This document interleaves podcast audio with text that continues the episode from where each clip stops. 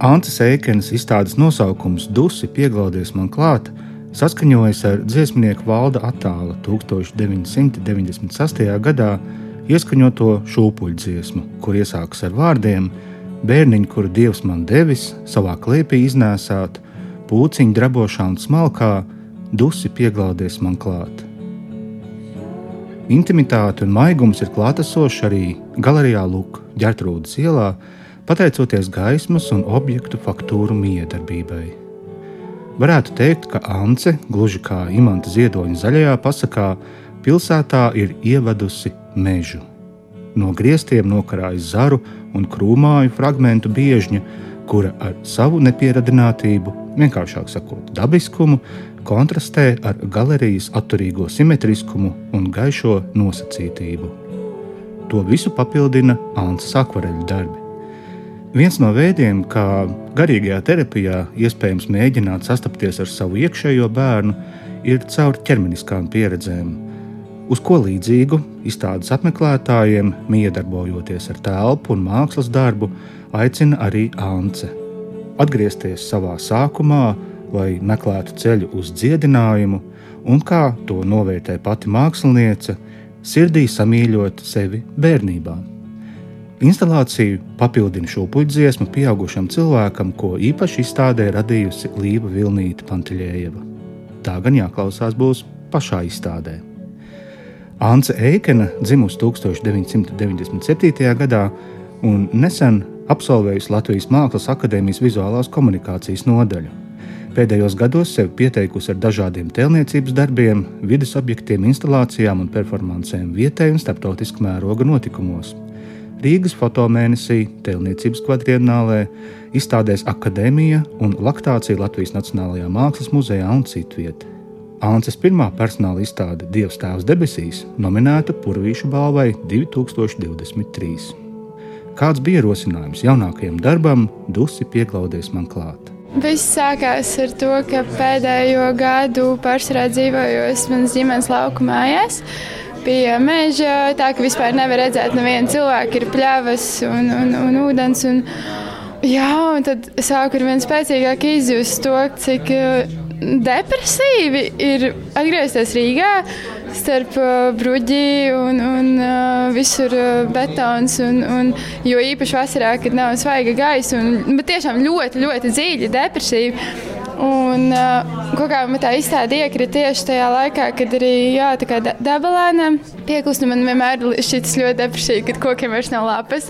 Man tad arī šķiet, ka nav ko elpot. Un, uh, un tad man ļoti gribējās mēģināt bišķiņu vēl paildzināt to miera sajūtu, kas man bija jā, šajā laikā laukos. Un, kā, Zinot to, ka ļoti daudziem cilvēkiem rudens un ziemas tošanās ir tāds visai drūms laiks. Man šķiet, jā, ka uh, gribēs kaut ko tādu miera un siltuma pilnu dot cilvēkiem. Varoties uz iepriekš minētās dabas ienākšanu pilsētā, proti, uz meža biezokni izstāžu galerijā, atminos 19. gadsimta amerikāņu filozofu, dzīsnieku un dabas pētnieku Henriju Davidu Toro. Savā pazīstamākajā darbā Valdena viņš izmanto katru no savām radošajām šķautnēm, pārdomājot dažādas problēmas, kas saistītas ar cilvēka eksistenci pasaulē.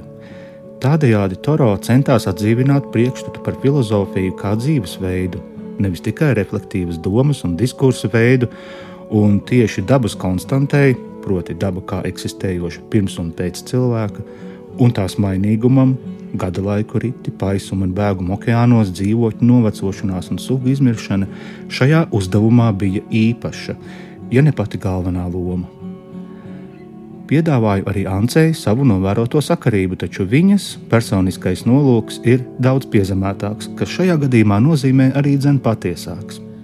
Tomēr arī viņas pieredzē strādājot pie izstādes lauku mājās, jaušama Henrija Davida Toro vientuļnieka pieeja. Man ļoti pārsteidzoši šķita, ka vispār nebija vientuļi. Nu, labi, es biju kopā ar savu vīru, bet man vispār tiešām ļoti, ļoti, ļoti daudz laika pavadot vienkārši divatā vai esot tā, ka nu, tomēr ikdienā tas pieredzi laiku pa laikam satikt arī citus cilvēkus. Un tādā ilgākā laika periodā, piemēram, pusgadu, lielākoties esi projām. Vispār. Nu, Jā, tas, ka kā, man arī agrāk, nu, par to arī tā, viena no lietām visā tas, ka man vairs nav bail iet mežā tumsā, ka tas, kad es biju tajā pat vietā, arī nu, man ir bērnības atmiņas, un, un tad es biju ļoti trauksmēna, un man bija ļoti bail iet vienai vispārībā apkārt. Un tagad ir tāda jocīga, tiešām tāda absolūti visur tāda aicinoša sajūta.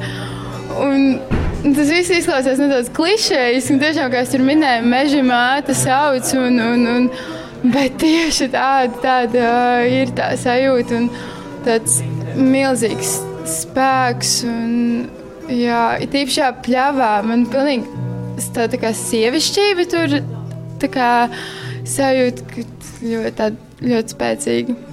Ļoti, ļoti neparasti man tas viss bija. Vai mākslinieci ar savu jaunāko darbu ir pašasprāta pavirzījusies uz priekšu savā radošajā evolūcijā? Grūts jautājums. Jā, pats tāds sākums bija tie mani bērnības, tas vispār tā ir leģenda par maniem bērnības zīmējumiem. Melnais sviests, kur visas krāsas augsts, man tas vienmēr kaut kā es to turēju prātā. Man tas vispār šķita kā pašportrets, kas arī šobrīd liktos ļoti spēcīgs darbs. Jo, jā, šeit mums visiem ir tāds, tāds melnais sviests uh, iekšā. Un tad tā māksla ir to pieņemt un ar to sadzīvot. To, nu jā, tāpēc tā ir tā kā, gan tas ir nedaudz bailīgais, tā, tā puskums un, un tas siltums, kas tajā jo, ir tas teiciens, ka vienīgais ceļš ārā ir cauri. Nu, tā, kā, tā arī ir to iešana savā tajā haosā. Ances Eikenes personāla izstāde Dusi pieglaudies man klāt Galerijā Luk ģērtrūdas ielā Rīgā uzlūkojama līdz 19. novembrim.